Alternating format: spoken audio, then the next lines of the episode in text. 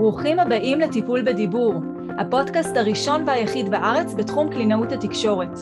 אני נועה ברק, אימא לשישה מתוקים, קלינאית תקשורת התפתחותית מאז 2010, מדריכת הורים, מלווה התפתחותית, ויוצרת משחקים טיפוליים ותוכניות לשיפור הדיבור.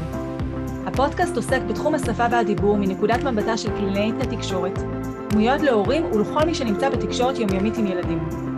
חפשו אותי באתר שלי noabarak.co.il ועקבו אחריי גם ברשתות החברתיות. האזנה נעימה. שלום לכל המאזינים והמאזינות. נמצאת איתנו היום דפנה אולניק. דפנה היא קלינאית תקשורת ומנחת קבוצות, מרצה בחוג להפרעות בתקשורת במכללה האקדמית הדסה, ומנהלת מרכז אדלר לאפזיה, הפועל במסגרת החוג. דפנה עוסקת ומתמחה בש... בתחום השיקום של אנשים עם פגיעה מוחית נרכשת בשפה ודיבור, מה שנקרא אפזיה, במשך יותר מ-30 שנה. שלום דפנה, מה שלומך? בוקר טוב. טוב. בוקר טוב. שמחה ומתרגשת להיות פה. גם אני שמחה שאת פה. חודש יוני הוא חודש המודעות לאפזיה בארץ ובעולם, ואומנם הפודקאסט שלנו עוסק בעיקר בילדים, אבל הילדים האלה הם חלק ממשפחה, ויש להם הורים וסבים, וכשקורה משהו במשפחה זה בעצם משפיע על, גול, על כל הדינמיקה המשפחתית ועל כל בני המשפחה. אז אנחנו הולכות לדבר היום על אפזיה. ובואי באמת אה, נתחיל מהבסיס. מה זה בעצם אפזיה? מה זה בעצם אומר? מילה אפזיה בעצם מתארת סוג של אה, פגיעה ספציפית בשפה שנגרמת בעקבות פגיעה מוחית. זאת אומרת, אנשים כמוני וכמוך, עם שפה תקינה, עם התפתחות תקינה, ברגע מסוים יש אה, אירוע מוחי או דימום או נפילה מגובה או תאונת דרכים והאזור במוח שאחראי על תפקודי שפה, שהוא בדרך כלל נמצא בצד השמאלי, אה, יש לנו שתי המיספרות, הוא נמצא בהמיספרה השמאלית, נפגע. ואז בעצם היכולות, אותן יכולות ש, שהתפתחו אצלו, יכולות השפה התקינות, מתקלקלות. אה, עכשיו, בעצם הרבה פעמים לא יודעים מה זה אפזיה. אומרים, אוקיי, יש לו בעיה בשפה, זה שווה בעיה בדיבור. ואני מניחה שגם בפודקאסטים אחרים כאן, אה, כבר הבנו ששפה זה לא רק דיבור, אלא שפה מורכבת מהרבה מעבר לזה. זה היכולת לדבר, היכולת להבין דיבור, היכולת לקרוא, היכולת לכתוב, והדבר הכי חשוב, היכולת להיות חלק מתקשורת יעילה, שזה הדבר הבסיסי שלנו כבני אדם. ובעצם ברגע שאדם נפגע באזורי שפה, משהו בתחומים האלה מתקלקל. אנחנו תכף נדבר יותר מה זה, אבל בעצם הוא מבחינה שפתית הוא לא מה שהוא היה קודם, אבל מבחינת הדברים האחרים הוא כן. אמ, אני אמשיך יותר ככה להגדרה אה, של מה זה אפזיה. אפשר, כן, אפשר. אמ, אני אגיד שכשאני תמיד מדברת עם אנשים אחרי, משפחות של אנשים אחרי אירוע מוחי וגם עם אנשים עצמם, אז התפיסה זה, אוקיי, קשה לי לדבר, אז מי שקשה לו לדבר יש לו אפזיה. לא. מי שיש לו אפזיה, קשה לו לדבר, וזה יכול להתבטא בטווח מאוד מאוד גדול של צורות שאני תכף אתייחס אליהן, קשה לו להבין שפה מדוברת. זאת אומרת שאם כל מה שהוא רואה סביבו הוא מבין, הוא קולט, אין לו בעיה, אבל ברגע שאני משתמשת במילים, בסמלים האלה של השפה, היכולת שלו להבין אותם משתנה. יש כאלה שקשה להם מאוד, כבר ברמה של שיחה יומיומית, ויש כאלה שיהיה להם קשה אה, ברמות אה, גבוהות יותר, כמו למשל אה, אה, להבין אה, שיח יותר מורכב, להבין שיח על פוליטיקה, או יש אנשים שאומרים לי, אני מבין הכל, ואז אני אומרת להם, ומה קורה שיש כמה אנשים בחדר? אז הוא אומר לי, אה, איך אמר לי אחד החברים במרכז, הוא אמר לי, אני סוגר את התריס, כמה אנשים זה גדול עליי. זאת כן. אומרת שכמו אצל ילדים, או בכלל, שפה יש לה טווח. אז כשאני בכוונה מתחילה עם ההבנה, כי אני, נורא קשה להבין שמישהו לא מבין. מה, מה זה אומר לא מבין, אבל הוא שומע אותי.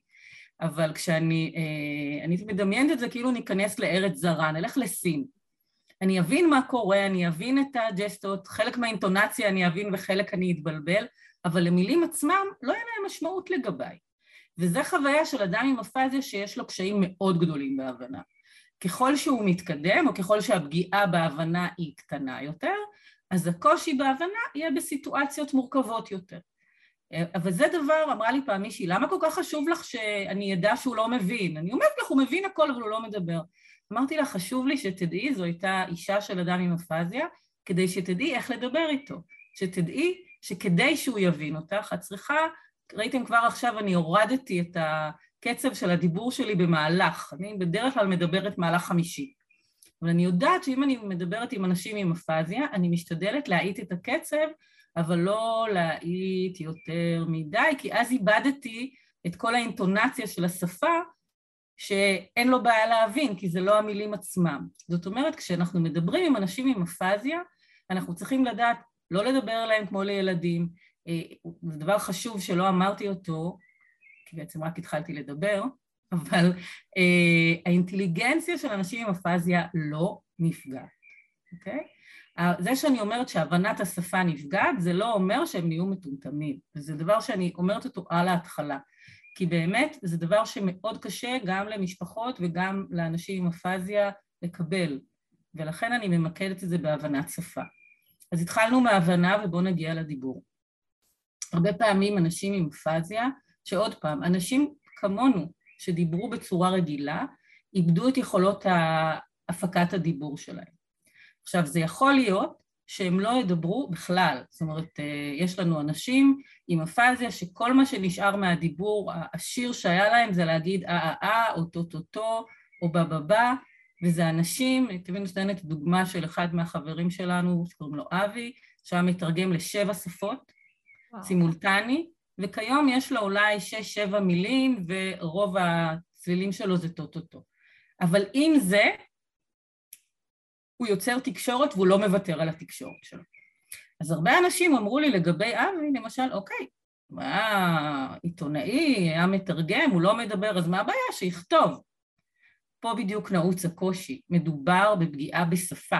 אז כמו שהוא לא יכול לדבר היום, הוא גם לא יכול לכתוב, הכתיבה שלו גם היא התקלקלה. הוא יכול להעתיק אותיות, הוא לא יכול לייצר מעצמו מסר כתוב. כי זה לא המוטוריקה, תכף... זה לא העניין של המוטוריקה של השרירי דיבור. בדיוק, בדיוק. אז יש אנשים שיש להם בעיה שהיא רק במוטוריקה, כמו סטיבן הופקינס למשל, כן. או אנשים אחרים שמתקשרים נהדר על ידי מערכות של, אה, אה, של הקלדה, של מיקוד מבט. לאנשים עם אפזיה זה לא יעזור, כי כאילו ההארד דיסק, לא כאילו, ההארד דיסק של השפה, משהו משתבש שם. אז כמו שהוא לא יכול לדבר, הוא גם לא יכול לכתוב. לפעמים יש פערים ואני אעזר באחד הערוצים, אבל הבעיה היא לא במוטוריקה של הדיבור, בדיוק כמו שאמרת. אז יש אנשים כמו אבי שבאמת כמעט ואין דיבור כיום. אחר כך נדבר על איך הוא כן מתקשר. יש אנשים שיש להם דיבור, אבל הם שוכחים מילים. עכשיו, זה נשמע על פניו נורא פשוט, אבל בואו נעצור רגע כל אחד ונחשוב מה קורה שחסרה לנו מילה. נועה, מה קורה לך שחסרה לך מילה? מטריף. מטריף, נכון? אנחנו כל הזמן אומרים, כן, כן, הכל בסדר, אבל בראש שלנו אנחנו אומרים, רגע, אנחנו במקביל מנסים לשלוף את המילה. נכון. ואז אנחנו אומרים, זה מתחיל באות הזאת, זה ככה, זה ככה. תחשבו על בן אדם שכל מילה, מילה שלישית שלו, הוא לא מצליח לשלוף אותה. אז אמנם יחסית לאבי, הוא יכול להיות שהוא ידבר יפה, אבל יהיה לו חסרות כל כך הרבה מילים, שיהיה לו קשה להביע את הדברים שהוא רוצה להביע. אז זה יכול להיות או שהוא לא ידבר בכלל, זה יכול להיות בן אדם אחר שיהיה לו קשה למצוא מילים. יכול להיות מישהו שרק התחביר שלו ייפגע, כי השפה שלנו היא הרבה מעבר ללהגיד מילים, ואז הוא יגיד משפטים משובשים תחבירית. ויש לנו מקרים עוד יותר, אני אקרא להם במרכאות, מוזרים, שאנשים משתמשים במילים, אבל אין לזה משמעות, וזה נורא נורא מבלבל.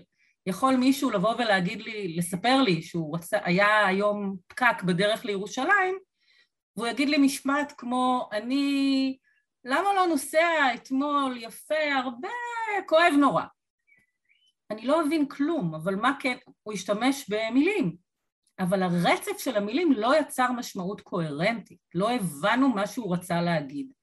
והרבה פעמים אנחנו אומרים, אבל האנשים האלה מדברים, אז מה הם עושים פה? הם מדברים אבל לא לעניין.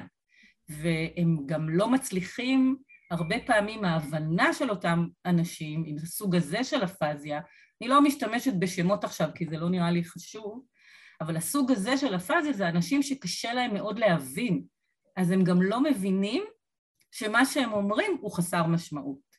וזה, תחשבו איך זה מרגיז שאני אומר למישהו שאני רוצה משהו, ואני בטוח שהוא הבין אותי, אבל המישהו לא עושה את זה. והרבה פעמים כשמישהו, את לא תביני אותו נועה, מה יהיה האינסטינקט שלך להגיד לו ישר לא הבנתי, או לעשות עצמך שאת מבינה אותו אם את במבוכה? אם אני במבוכה, אז אה, סביר להניח שאני באמת אגיב, כאילו הבנתי ונסה להעביר לנושא אחר, או להחליק את זה. בדיוק, וזה הרבה פעמים קורה, וזה עוד יותר מרגיז.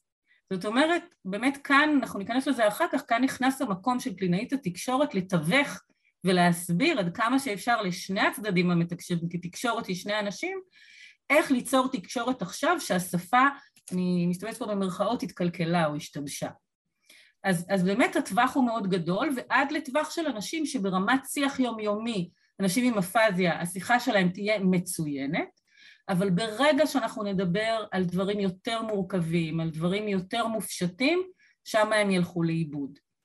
והרבה פעמים האנשים האלה לא מבינים, אה, לא מבינים שקרה להם משהו, ואז חושבים לפעמים שנפגעה להם האינטליגנציה, אז לא.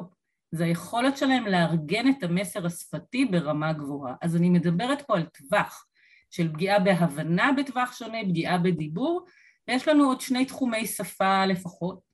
אחד מהם הוא היכולת לקרוא.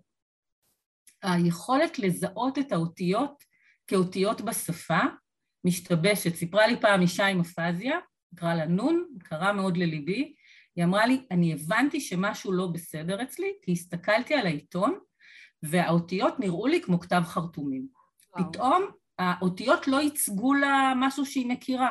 Mm-hmm. אז גם היכולת לקרוא יכולה להיפגע ברמה כזו, עד לזה שיהיה קושי לקרוא אה, מסר מורכב. למשל, אותה נון, שהיא נורא התקדמה, ואמרתי לה, אוי, את קוראת עיתון, איזה יופי. היא אמרה לי, את סתם מעצבנת, אני קוראת את הכותרות, מעבר לזה אני לא מבינה כלום, ופעם קראתי מהאות הראשונה עד האות האחרונה בעיתון. זאת אומרת, הטווח פה הוא מאוד משמעותי להבין אותו, ולהבין שאנחנו כאנשי מקצוע והמשפחות והאנשים עם אפזיה, השאיפה שלהם להגיע לאותו מקום שהם היו בו לפני. לא תמיד, לא תמיד אנחנו נצליח בזה או הם יצליחו בזה, אבל אנחנו נלווה אותם בדרך לשם. מבחינתנו זה שלמי אין דבר כזה שרק קשה לך לשלוף מילים. וכשאני מגיעה לכתיבה זה אותו דבר. אנשים שכתבו קודם, אה, יהיה להם קשה לכתוב. עכשיו, הרבה פעמים הפגיעה במוח היא בצד שמאל, ואז הצד שנפגע בגוף הוא צד ימין. ואז המשפחות אומרות לי, אוקיי, הוא לא כותב כי היד הימנית שלו משותקת. אבל אם אני אבקש ממך, נועה, עכשיו אה, לכתוב ביד הלא דומיננטית שלך, יד שמאל, תצליחי לכתוב? כן, כנראה שזה יהיה פחות קריא, אבל uh, כן. אבל okay, כנראה... אבל האותיות עצמם יהיו שם, תצליחי להקליד על מקלדת. Mm-hmm. אותו אבי שלקחתי אותו כדוגמה בהתחלה, שכתב וקרא בשבע שפות, הוא לא יכול לכתוב היום. הוא יכול להעתיק, הוא לא יכול לכתוב מעצמו חוץ מאולי את השם שלו. זאת אומרת, כל היכולת הזאת של השפה התפרקה, ויהיו אנשים שכתבו ברמה מאוד גבוהה אוניברסיטאית, והיום הכתיבה שלהם תהיה דלה, או יהיה להם פתאום שגיאות כתיב. אז לי יש עדיין שגיאות כתיב לדאבוני, למרות שאני קלינאית תקשורת, אני לא מתרגשת מזה. אבל אנשים שפעם כתבו, אותם אלה שכל הזמן נבהלים מהשגיאות כתיב שלי, כשלהם יש שגיאות כתיב, זה נורא מתסכל. אז עוד פעם אני מדברת על טווח מאוד גדול של פגיעה בשפה. אה, ו- ואני אגיד עוד דבר, שהיות שהדיבור או השפה היא הכלי שלנו לתקשר, אז אנשים עם אפזיה בעצם אה, נוצר מחסום, מחסום תקשורתי בינם לבין הסביבה, אה, והמטרה של ההשתתפות שלי היום בפודקאסט היא באמת שכל מי ששומע, גם אנשים עם אפזיה, גם בני המשפחות שלהם, גם אנשי מקצוע, להבין שיש את הדרכים לעזור להם להיות יותר שותפים בתקשורת. כי חלק מהם מודרים, אני אגיד את זה על ההתחלה בצורה מאוד מאוד אה, חדה, אולי לא נעימה, אנשים עם אפזיה מודרים מתקשורת. כן, זה באמת, אה, זה, זה מבחינות מסוימות קצת מקביל לילד שלא מפתח שפה, רק כמו שאת אומרת, במקרה של מבוגר כבר התפתחה קוגניציה תקינה. וגם שפה תקינה, הכל נכון. היה פרפקט. נכון, והקוגניציה נשארה תקינה, ופה נשאר פער מאוד מאוד גדול בין השפה לקוגניציה. אצל ילדים צעירים, אנחנו יודעים שהרי יש קשר הדוק בין התפתחות קוגניציה לשפה, אז אם השפה מעוכבת, הרבה פעמים גם ברמה מסוימת הקוגניציה קצת מאחור, והפער הוא קיים, אבל לא ברמה כזאת גדולה, כמו אצל אה, אנשים מבוגרים, שממש נחתך להם כל האלמנט השפתי. נכון. ו... אני אגיד שיש פה שאלה, כי הרבה פעמים שואלים אותי סטודנטים אה, ושואלים אותי משפחות, אבל אנחנו חושבים עם מילים, אז איך את אומרת שהאינטליגנציה לא נפגעת? אז אני באמת מסייגת את זה, כי אמר לי פעם, אה, אמר לי פעם אדם עם אפזיה שהיה עורך דין, והשפה שלו הייתה, למרות שזה לא משנה, לא משנה מה, מי היה קודם, השפה שלו הייתה המרכז של החיים שלו. אז הוא אמר לי, הלוואי והייתי מבין איך אני חושב עכשיו.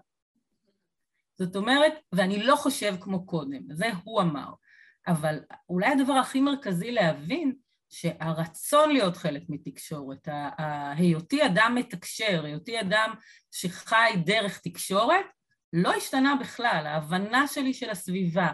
ולפעמים זה הרגשה, אני מתארת את זה, זה כמו להיות כלוא בתוך הראש של עצמך. תדמיינו שהמוח הוא כמו פריזן כזה, בית כלא. ואני יודע מה אני רוצה להגיד. אנשים עם הפאזה יודעים את המסרים שהם רוצים להעביר, והם לא מצליחים את זה, להוציא את זה החוצה. או מה שלא אמרתי כשתיארתי את הדיבור, הרבה פעמים אני רוצה להגיד מילה ויוצאת לי מילה אחרת. זאת אומרת, אני רוצה להגיד, אה, נועה, אה, אני אשמח לשתות קפה הבוקר, ואני אגיד, נוח, אה, נועה, אני אשמח תה. מה כן. תביאי לי? תה, כמובן. אני, זה מה זה מעצבן? נכון. אוקיי? Okay? במיוחד מישהי כמוני שכל כך אוהבת קפה.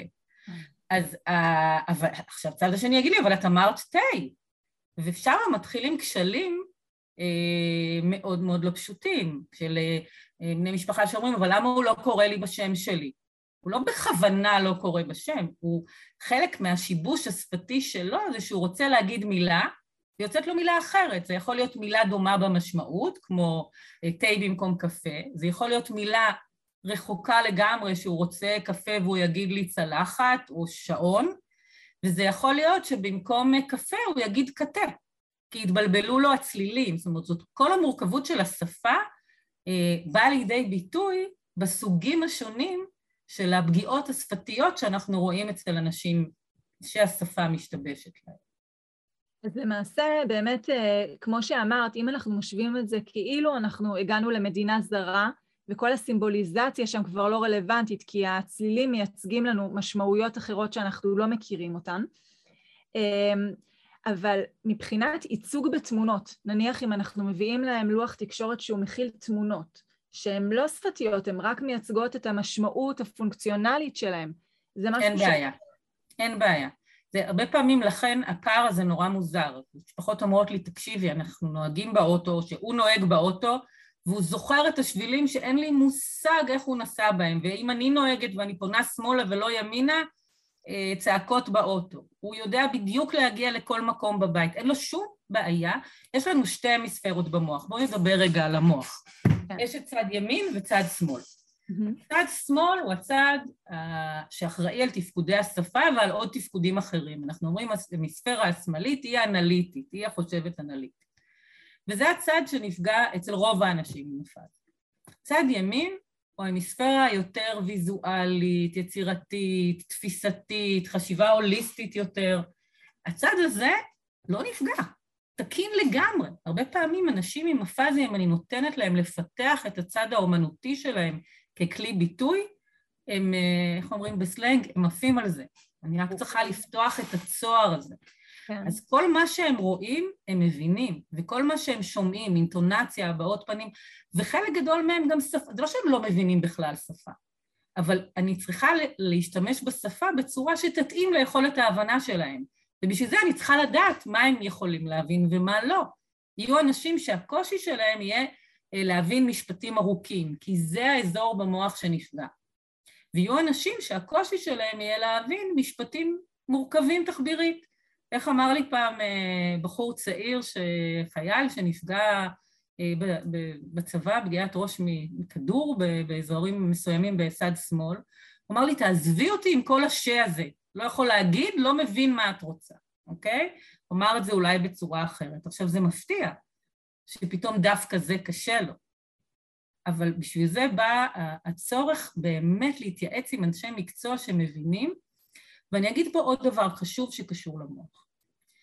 כשאנחנו מדברים על פגיעות מוחיות, הרבה פעמים עולה לנו בראש אלצהיימר, דמנציה, אה, פרקינסון, אבל בעיקר אלצהיימר ודמנציה, שזה אומר שהתפקוד הולך ומידרדר, וזה פחד מאוד מאוד גדול. במקרה של אנשים עם אפזיה, בעקבות אירוע מוחי, אה, נפילה מגובה, אה, תאונת דרכים, מסיבות אחרות של פגיעה, של פעם אחת פתאום יש פגיעה מוחית, התהליך הוא שונה, וזה דבר נורא חשוב. מרגע הפגיעה אנחנו נראה שיפור ומקסימום לא יהיה שינוי, אבל לא יהיה הליכה אחורה. וזה דבר שפעם היו אומרים לאנשים עם אפזיה, או בכלל לאנשים עם פגיעה מוחית, השנה הראשונה היא הכי קריטית. מה שיקרה בשנה הראשונה הוא זה שיקרה. זה נכון חלקית. כי מה קורה בשנה הראשונה? אני חוזרת למוח. זה, תחשבו שאזור מסוים במוח לא קיבל אספקת, סליחה, חמצן. זאת אומרת שיש לו כריש או שהיה פיצוץ באיזשהו אה, אזור מסוים במוח של, אה, נו, איך אומרים את זה, עורק או וריד, ואז אזור מסוים של תאים הפסיק לתפקד, וחלק מהתאים מתים כתוצאה מזה. אבל כל האזורים מסביב זה כמו פצע, תחשבו בשלב ראשון, פצע יש לו את כל החום והכחול וכל הרגל בצבע כחול, ולאט לאט לאט זה נספג. זה מה שקורה במוח אחרי הפגיעות האלה שאנחנו מדברים עליהן. ואז אנחנו רואים שהתפקוד חוזר, חלק מהתפקוד של התאים שחזרו לפעול חוזר. זה קורה בשלב הראשוני באמת. אבל אחר כך, בכל המאמרים, ולא מזמן נתקלתי במאמר שמדבר על זה שאנשים עם אפזיה לפעמים רואים יותר התקדמות משנה אחרי האירוע. ודבר שהוא מאוד חשוב למי ששומע כאן, יש התקדמות לאורך החיים. זה לא דבר שנעצר. כי איך, עכשיו שאני ואת מדברות, ואת לומדת, אני מניחה, מידע חדש על אפזיה, מה קורה לך בראש? נוצרים קשרים חדשים בין אזורים. זאת הלמידה, אז אותה למידה שיש לנו, קיימת גם לאנשים אחרי פגיעה מוחית, ללא תלות בגיל שלהם. זה נכון שאם הם צעירים, יש להם יותר בוסט, אה, אה, אבל בכל גיל אנחנו נראה שיפור, ו... וזה חשוב לדעת את זה. זה חשוב נורא לדעת את זה ו... ו... ולחפש מסגרות שיעזרו לאדם אה, להשתתף או להשתפר במה שהוא יכול. שוב ההתחלה, אבל לא רק. מבחינה מוחית, מה שקורה בהתחלה, שזה מרתק, זה שהצד הימני של המוח, באותם אזורים, הוא זה שמתחיל לפעול. עכשיו, הצד הימני לא כל כך טוב לנו, זה לא בהכרח שיפור שהוא מקדם כמו שאנחנו רוצים. יש, אה, אה, אני לא אכנס לכל זה, ועם הזמן הצד הימני, ההמיספירה השמאלית חוזרת לתפקד, והאזורים ליד האזור שנפגע הם שלוקחים על עצמם את התפקיד, ואז השיפור הוא יותר מותאם. זאת אומרת, אני אגיד לך למה אני מדגישה את זה. כי דיברתי עם כמה וכמה רופאי משפחה, ואמרה לי רופאת משפחה, אישה יקרה לי מאוד, היא אמרה לי, אני אחרי שנה, יש לי מטופל עם אדם עם אפזיה, או שנתיים אחרי האירוע. הפניתי אותו כמה פעמים לקלינאי תקשורת, והוא עדיין לא מדבר, אז אני כבר לא מפנה אותו. עכשיו חשבתי, זה הרגעים שבא לי, אני קוראת לזה הכס ששובר את גב הגמל, באמת, רופאת משפחה אינטליגנטית. לא, את המאמר הזה לא קראת. שהשיפור לאורך החיים, וגם, וזה עוד לא דיברנו, וככה תכף נגיע לדבר, שהשיפור הוא לא, הדרך לעזור לאדם עם אפזיה להיות חלק מהחברה זה לא רק לתקן לו את הדיבור, זה גם לאפשר לו להיות שותף תקשורתי בכל רגע נתון עם מה שיש לו. והרבה פעמים לא חושבים על זה, ואז האנשים הולכים, הולכים, הולכים ומסתגרים בתוך עצמם, וכמו שאמרתי, מודרים מתקשורת, ובשביל זה יש לנו את החודש מודעות אפזיה, שבאמת קצת להעלות את המודעות לדבר הזה, כי אני מניחה שרוב מי שמקשיב לי, שאין לו בן משפחה לנו, שיש לו אפזיה, לא יודע מה זה. אולי ברוס וויליס, שמענו עליו בזמן האחרון, שזה גם משהו אחר. כי לברוס וויליס יש אפזיה, אבל שהיא הולכת ומידרדרת, קוראים לה אפזיה פרוגרסיבית. ויש שם גם פגיעה קוגניטיבית וגם פגיעה התנהגותית. זה לא אנשים עם אפזיה שאני מדברת עליהם, ששם יש רק שיפור, או נשאר אותו דבר. כן. ואם חס וחלילה מידרדר, סימן שקרה עוד משהו.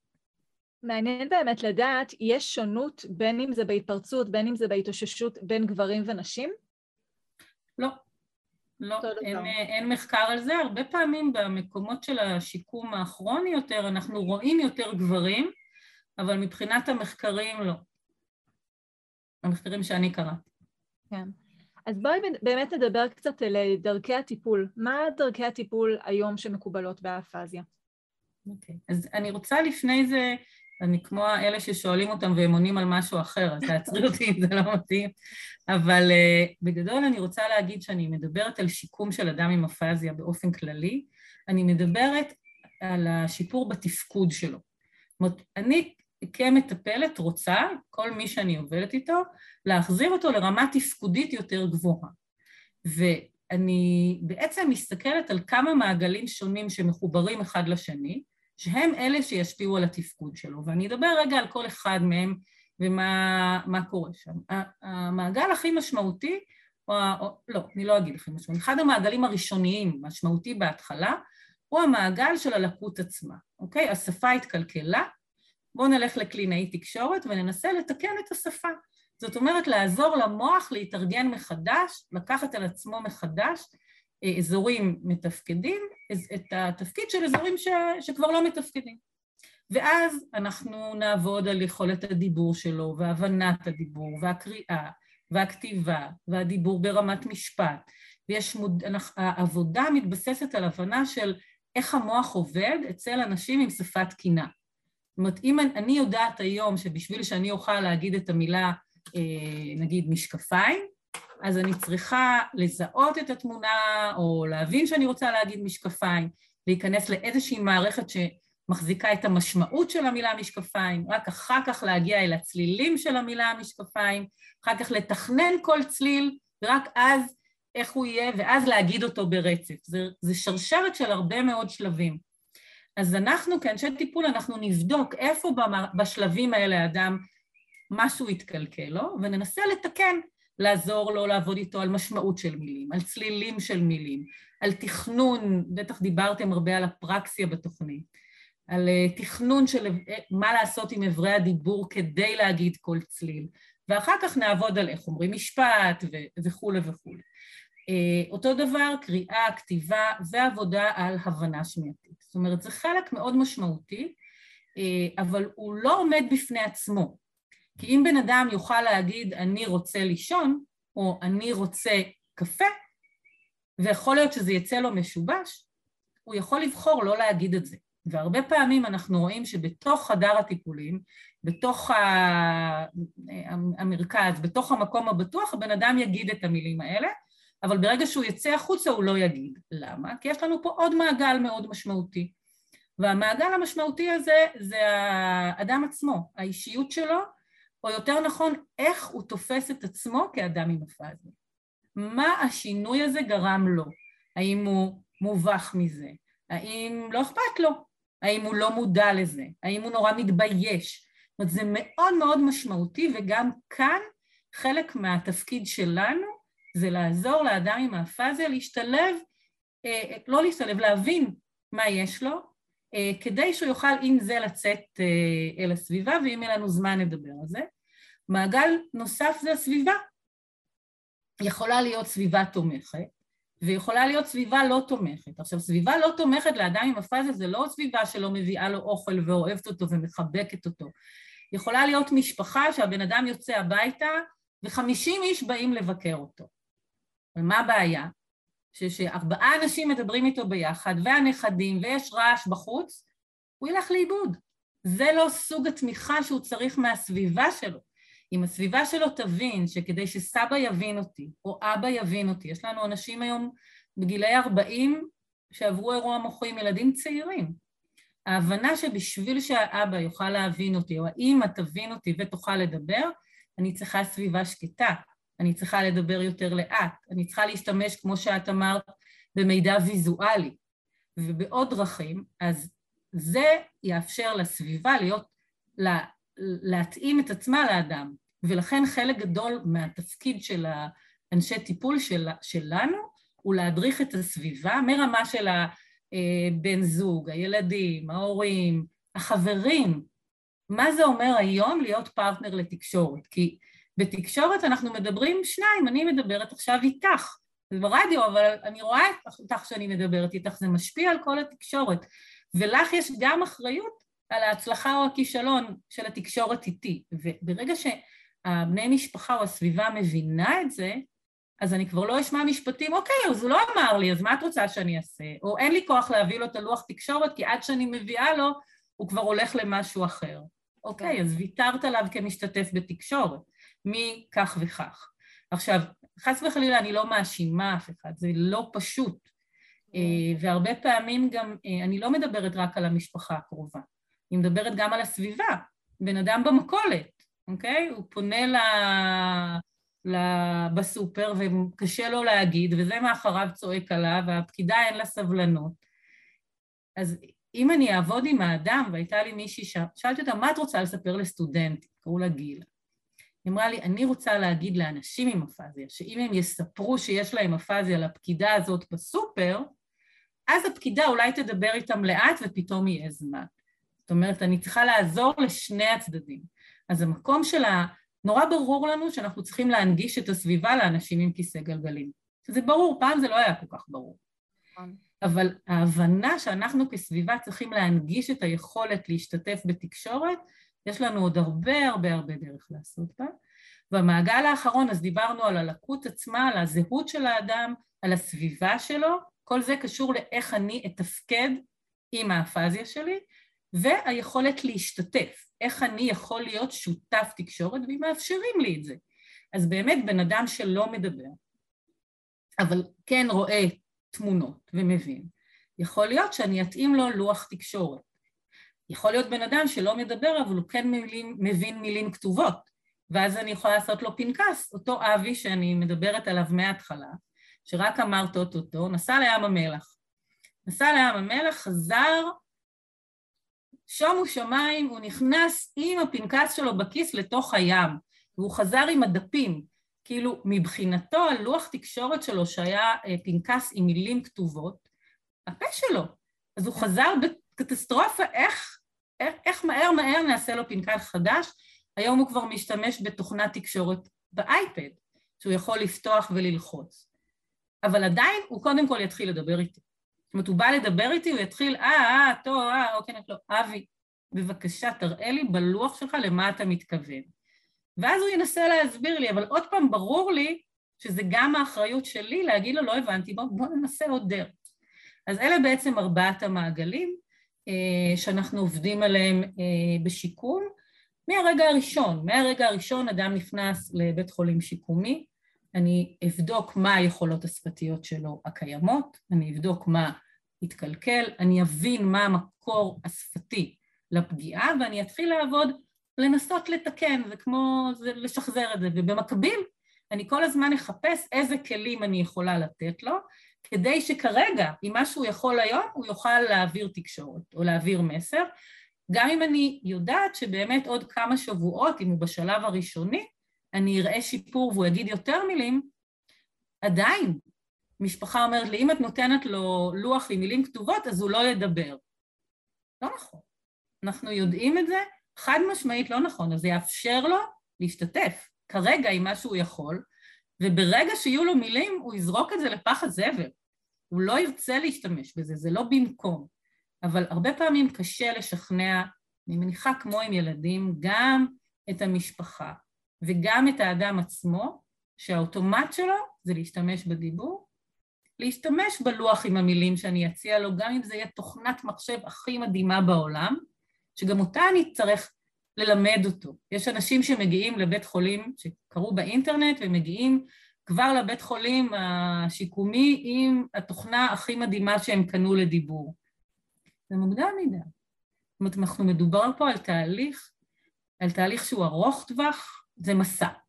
להיות אדם עם אפזיה זה מסע לבן אדם, וכמו שאמרת מאוד מאוד יפה בהתחלה, זה מסע של משפחה. זה מחלה, אני לא אוהבת להגיד מחלה, אבל זה לקות של כל המשפחה.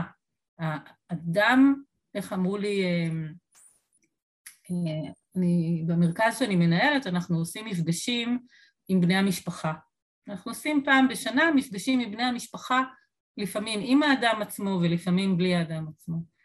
ואמרה לי בת של אחד האנשים, היא אמרה לו, הוא השתתף בשיחה, היא אמרה לו, אבא, אתה חסר לי, אני, אני רוצה לדבר איתך, אני רוצה לשמוע מה שלך יש להגיד, ואנחנו יושבים ביחד ב, ב, בארוחת ערב ואתה לא אומר כלום. ואז הוא אמר לה, כי כשיש הרבה אנשים ומדברים, אני לא יכול לדבר, וזה איש שמדבר. זה איש כן. שיכול לדבר, ורק, מה שנקרא במרכאות, חסרות לו מילים, ורק במרכאות קשה לו לארגן מסר אה, מורכב, ורק במרכאות קשה לו להבין שכמה אנשים מדברים. אז ההבנה הזו, ואז הוא אמר לה, את יודעת, אחד הילדים, כשהוא רוצה לדבר איתי, הוא אומר לי, יאללה, בוא נלך מפה, נצא החוצה, ואנחנו יושבים בחוץ ומדברים אחד על אחד.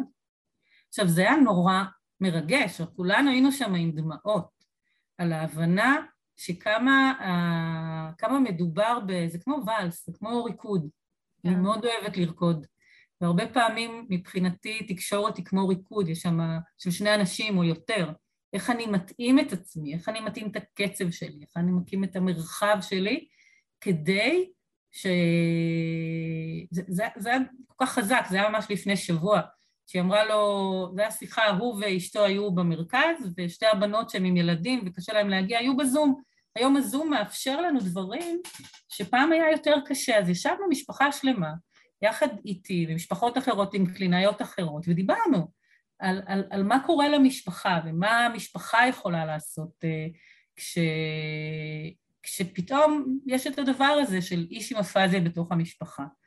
ו, ויש הרבה משפחות, הרבה אנשים יודעים, אוקיי?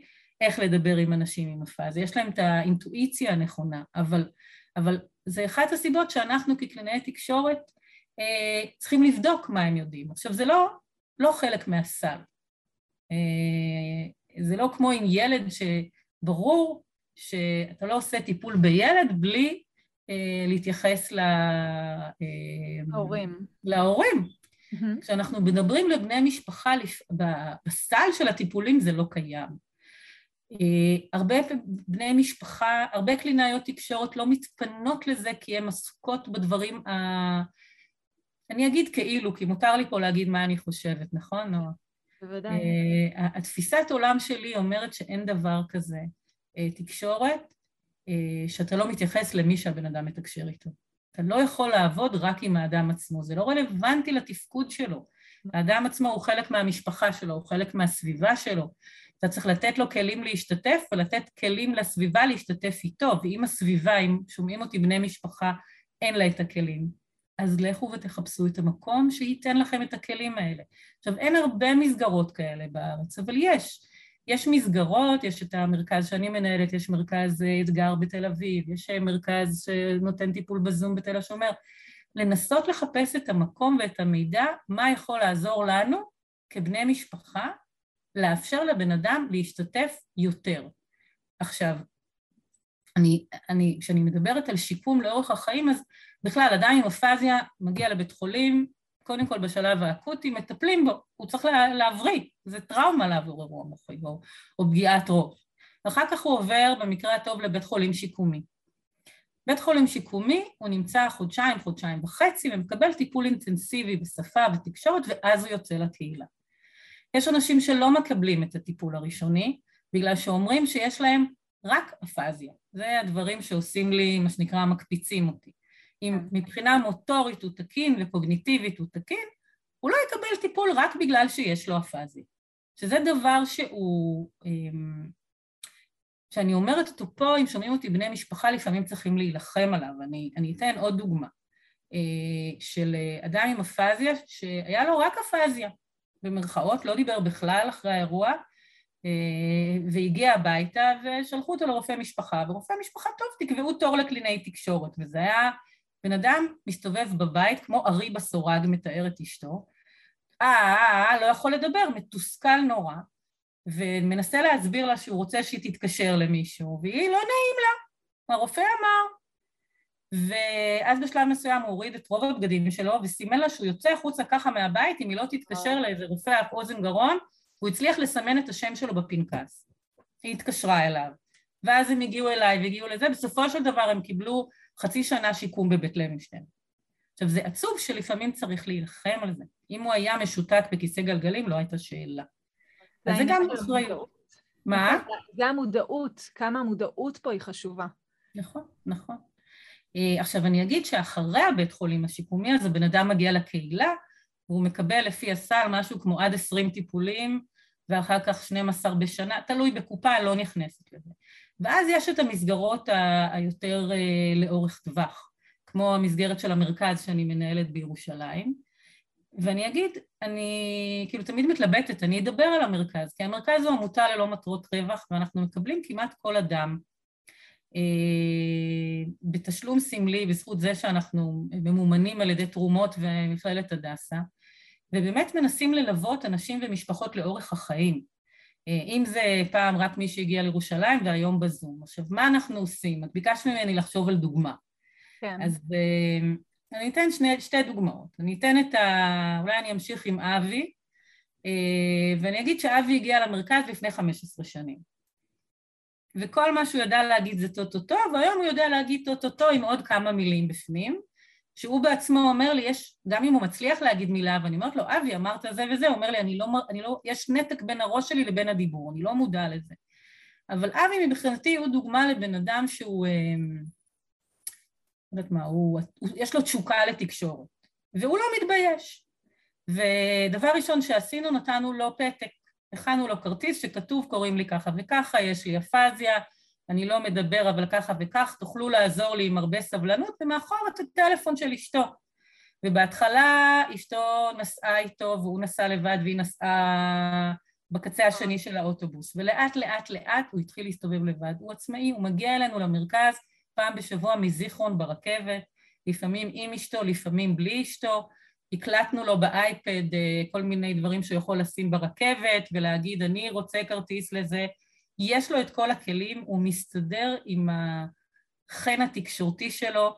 אה, סיפרה לי אשתו שיום אחד הוא היה בתחנת אוטובוס ואיזה מישהי מהולנד שאלה אותו, לא יודעת מאיפה, איך מגיעים לאיזשהו מקום, הוא ניסה להסביר לה, הוא לא הצליח, הוא התקשר לאשתו בטלפון ונתן את הטלפון לאותה תיירת ואז אשתו אמרה, שלום, אני ככה וכך, אה, תגידי לי מה אבי זה רוצה. בקיצור, הסבירה לאישה איך להגיע. זאת אומרת, כי יש לו היום, עכשיו, אבי משתתף אצלנו בקבוצה שנקראת, אה, אה, יש בקבוצת צילום. הוא בעצם במשך חמש שנים למד צילום, וחלק מהזהות שלו היום היא כי הוא צלם. הוא ניגש לאנשים ברחוב, לימדנו אותו לתת להם פתק שאומר יש לי אפזיה, כי תחשבי שהיה ניגש אלייך מישהו ברחוב, טו-טו-טו-טו עם מצלמה. אנשים היו בורחים ממנו, אז היה צריך גם ללמד את אבי להגיד, רגע, זה אני, לכן אני לא מדבר, אני רוצה לצלם אתכם, טה-טה-טה. אז היום הצילום הוא חלק ממה שהוא עושה. יש לנו קבוצות לימוד. תחשבו שאנשים עם אפזיה, בגלל הפער בשפה, כולנו רוצים ללמוד דברים, אבל קשה להם ללמוד במסגרת רגילה. אז יש לנו מסגרת, את מכירה 929? כן, בטח. של הרב בני לאו? בטח. אז פתחנו קבוצה. ששייכת למיזם של הרב בני לאו, שהם לומדים תנ"ך בצורה מונגשת אצלנו, והם חלק מהקהילה, והרב בני בא לבקר אותנו מדי פעם, ואותו אבי הצטרף לקהילה רגילה, לא של אנשים עם אפזיה, ליד הבית שלו, של 929. זאת אומרת, עבדנו פה גם על הזהות שלו כאדם עם אפזיה, גם על ההשתתפות שלו, וגם על הסביבה. היום הרב בני לאו יודע לדבר על אפזיה כמעט כמוני. אה, אז זו דוגמה אחת. אה, דוגמה שנייה, אני אקח את אה, דובי, שהוא אדם עם הפאזה שאנחנו קוראים לו יחסית גבוהה. כשהוא נכנס למרכז ומדבר עם אנשים כמו אבי, אז הם אומרים לו, מה אתה עושה פה? אין לך הפאזיה. עכשיו, דובי, כשהוא מדבר מסר מעבר למסר יומיומי, המסר שלו לא מובן. הוא יכול ללכת מסביב, הוא אומר מילים לא נכונות, הוא, הוא הולך לאיבוד כמו שהבת שלו אמרה לו, אני, אני, והוא מדבר, ועדיין ההבנה שלו, ב, למרות שההבנה שלו מאוד טובה, יש רגעים שהוא לא מבין כל מה שאומרים לו. ויש, והוא לא קורא כמו שהוא קרא קודם, והוא לא כותב כמו שהוא קרא, כתב קודם. ודובי הגיע למרכז לפני שנה, שבע שנים אחרי האירוע. והוא באמת מספר איך, וגם המשפחה שלו מספרת איך החיים שלו, ההשתתפות שלו השתנתה. ודובי נמצא בקבוצה, אחד הדברים המרכזיים זה לאפשר לאנשים עם אפאזה, ויש קבוצות כאלה בארץ, לאשר לאנשים עם הפאזה להיות עם עוד אנשים, להבין שהם לא לבד עם הדבר המוזר הזה שאתה רוצה לדבר ויוצא לך מילים אחרות. והוא יושב בקבוצה עם עוד אנשים עם קשיים דומים לשלו, שהדיבור שלהם הוא לא מה שהיה פעם, שהם לא יכולים לקרוא ספרים כמו פעם, והוא יושב בקבוצה והוא מתחיל להבין על מה מדובר, ושמים את האפזיה על השולחן, ומספרים מה היא, ומדברים עליה, והוא פתאום מבין, והוא פתאום מדברים על איך לדבר עם הסביבה, והוא בא לילדים שלו והוא אומר להם, אם לא, אתם לא מבינים אותי, תעצרו אותי. והוא בא לנכדים, הוא מספר לי, אני היום עם הנכדים, הם הכי אוהבים, כי דיברנו על מה אפשר לעשות עם הנכדים, אז הוא לוקח את הספר, הוא לא יודע לקרוא את המילים, הוא לא אומר, אבל אני מספר להם סיפור. אבל היה צריך לתת לו את ההכוונה הזאת למה הוא כן יכול לעשות עם האפזיה שלו, וזה מה שהוא עשה עם הקלינאות תקשורת בקבוצת השווים שלו. בנוסף לזה הוא אמר לי, תקשיבי דפנה, זו פעם ראשונה שאני קורא ספר שבע שנים, כי יש לו book club. זאת אומרת, העבודה, אני אגיד משפט, אני לא יודעת אם יש לנו עוד הרבה זמן, אבל אמר, ישבנו בקבוצה של אנשים, של בני משפחה ואנשים עם אפזיה. ובאמת דובי דיבר, ואיזה אחת מהמשפחות אמרה לו, מה, מה אתה לא שייך לפה, אין לך אפזיה. אז הוא אמר לה, אבל אני ככה וככה, ואז אחד מבני המשפחה אמר, אני מבין אותך. לכל אחד יש את המאה אחוז מהאפזיה שלו. זאת אומרת, כל אחד, השינוי שלו הוא שונה ממה שהוא היה קודם. וזה יכול להיות שהוא לא מדבר בכלל, ויכול להיות שהוא, יש לו שגיאות כתיב, והוא לא מצליח לנסח משפט כמו שפעם. אז, או שהוא לא מעז להשתתף, או ש... המון דברים. וכאן בא המקום של, של להגיד, השיקום הוא שיקום לאורך החיים, ויש דברים לעשות. אמ, אני מנסה לחשוב, היה לי עוד משהו שרציתי להגיד ואני לא זוכרת אותו. אולי תשאלי, אז אולי אני אזכור. אז אני באמת חושבת גם הדגש הזה, כמו שאמרת מקודם, כמה המשפחה היא קריטית פה, גם נכון. מבחינת להסביר לה, כי בסופו של דבר אנחנו לא מדברים בוואקום, אנחנו מדברים לצורכי תקשורת, והתקשורת הכי חשובה שלנו היא בני המשפחה. אם אנחנו יודע, אפילו לומדים לדבר טכנית, אבל משהו שם לא עובר מול בני המשפחה, זה לא שווה לנו יותר מדי. זה במקום הראשוני מולם. נכון. ואני חושבת שמשפחה צריכה לדרוש את זה. צריכה לבוא לקלינאית, לבוא לרופא המשפחה ולהגיד, אני רוצה ללמוד כלים, עכשיו הכלים הם לא כלים מאוד מורכבים, חלק מהכלים זה לדעת, תמיד שואלים אותי אה, סטודנטים, אז מה הדבר הראשון שאני עושה עם משפחה? אז דבר ראשון אני אספר להם מה זה אפזיה. ולמרות שהם שמעו את זה בחודש הראשון, הרבה פעמים בחודש הראשון שומעים משהו, אבל אתה בטוח שיתקנו לך את הבן משפחה והוא יחזור להיות מה שהיה, אז עזבו אותי מלהבין את הדברים האלה. אז כמה שאני אספר, דובי אומר, אני לא הבנתי מה זה אפזיה קודם, לא הבנתי את החבילה הזאת שכל הדברים האלה ביחד שחשבתי שאני משוגע, שייכים לדבר הזה. עכשיו אני בטוחה שכן אמרו לו, אבל משהו בלשבת עם עוד אנשים, עם קלינאית, שזה מה שהיא רוצה, להסביר לו על האפזיה שלו ולתת לו ספר שכתוב מונגש ומותאם אליו, עשה את העבודה בשבילו ואחר כך עם המשפחה שלו. זאת אומרת, עכשיו ללמד גם בני משפחה זה גם להקשיב להם. אנחנו עובדים עם בני משפחה, אני הבנתי, אנחנו כולנו הבנו, שאם אני לא אקשיב קודם כל לבן המשפחה ואני אחשוב שאני יודע יותר ממנו, שקר. בן משפחה יודע הכי טוב, הכי טוב איך לתקשר. אני יכולה לתת כלים, אני יכולה לתת את הרמפה, אני יכולה להבין, לתת את ההסתכלות מבחוץ על מה שקורה עם חשיבה משותפת, עם כל אחד בנפרד. בתוכנית שאנחנו עושים של הדרכה, שבנינו אותה הרבה שנים, ההבנה היא שאנחנו צריכים ארבעה מפגשים. זה מעט, אבל זה, זה מספיק. ובמפגשים האלה יש לנו שיחה אחת עם שני בני הזוג, שיחה אחת בנפרד עם כל אחד, ועוד שיחה עם שני. זאת אומרת, כל אחד לשמוע את המקום שלו, ואחר כך לנסות ביחד לחבר את... עכשיו, זה, אנחנו לא... אין קסמים. זה לאורך החיים. זה, איך אמרה פעם אה, אישה של אדם עם הפאזה, זה לא שפעת. זה לא עובר. אתה נשאר עם האפזיה, אתה נשאר בן זוג של האדם עם האפזיה, ובתוך זה אתה משקם את חייך, זה מסע. והעבודה, עכשיו, אחד הדברים שהתחלנו לעשות עכשיו, מצאנו שאין כמעט בעולם חומרים לילדים שמסבירים להם מה זה אפזיה. Mm-hmm. אז התחלנו עכשיו לעשות מחקר של עמדות ולהיפגש עם נכדים וילדים צעירים בגילאי 4 עד 12, ולחשוב איך לעשות ספר או סרט שיהיה מונגש לילדים, כי גם הם לא יודעים. והאמת היא שהם יודעים יותר ממה שחשבנו. כי היה לנו ילד אחד בן ארבע, נכד של אחד החברי מרכז, אמר, אני יודע, אבא, סבא משהו במוח לא בסדר, אז הוא לא, הוא לא מדבר, אבל אני עושה איתו דברים אחרים. כן. ילד בן ארבע.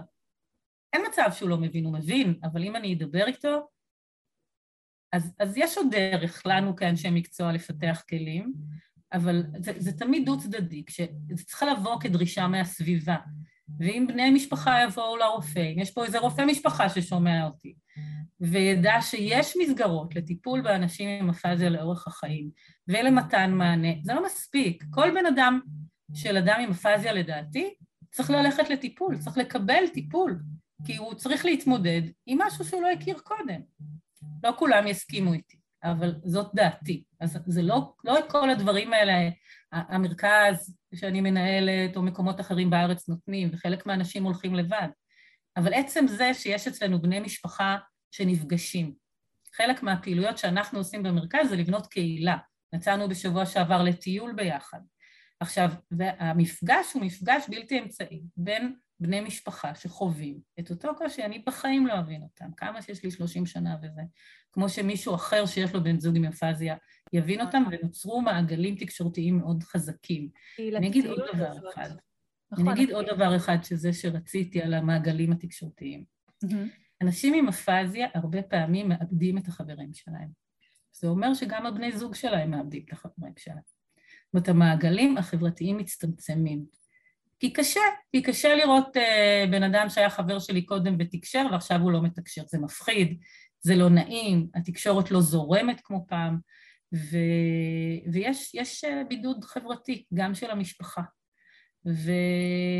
וזה דבר שיכול להיות שאם משפחה תוכל לתקשר החוצה ולהסביר מה זה האפזיה הזאת, זה יכול לעזור. אנחנו מצאנו את עצמנו השנה נפגשים עם שלוש פעמים בזום עם אה, חברות או חברים של אה, של חברי מרכז, ו...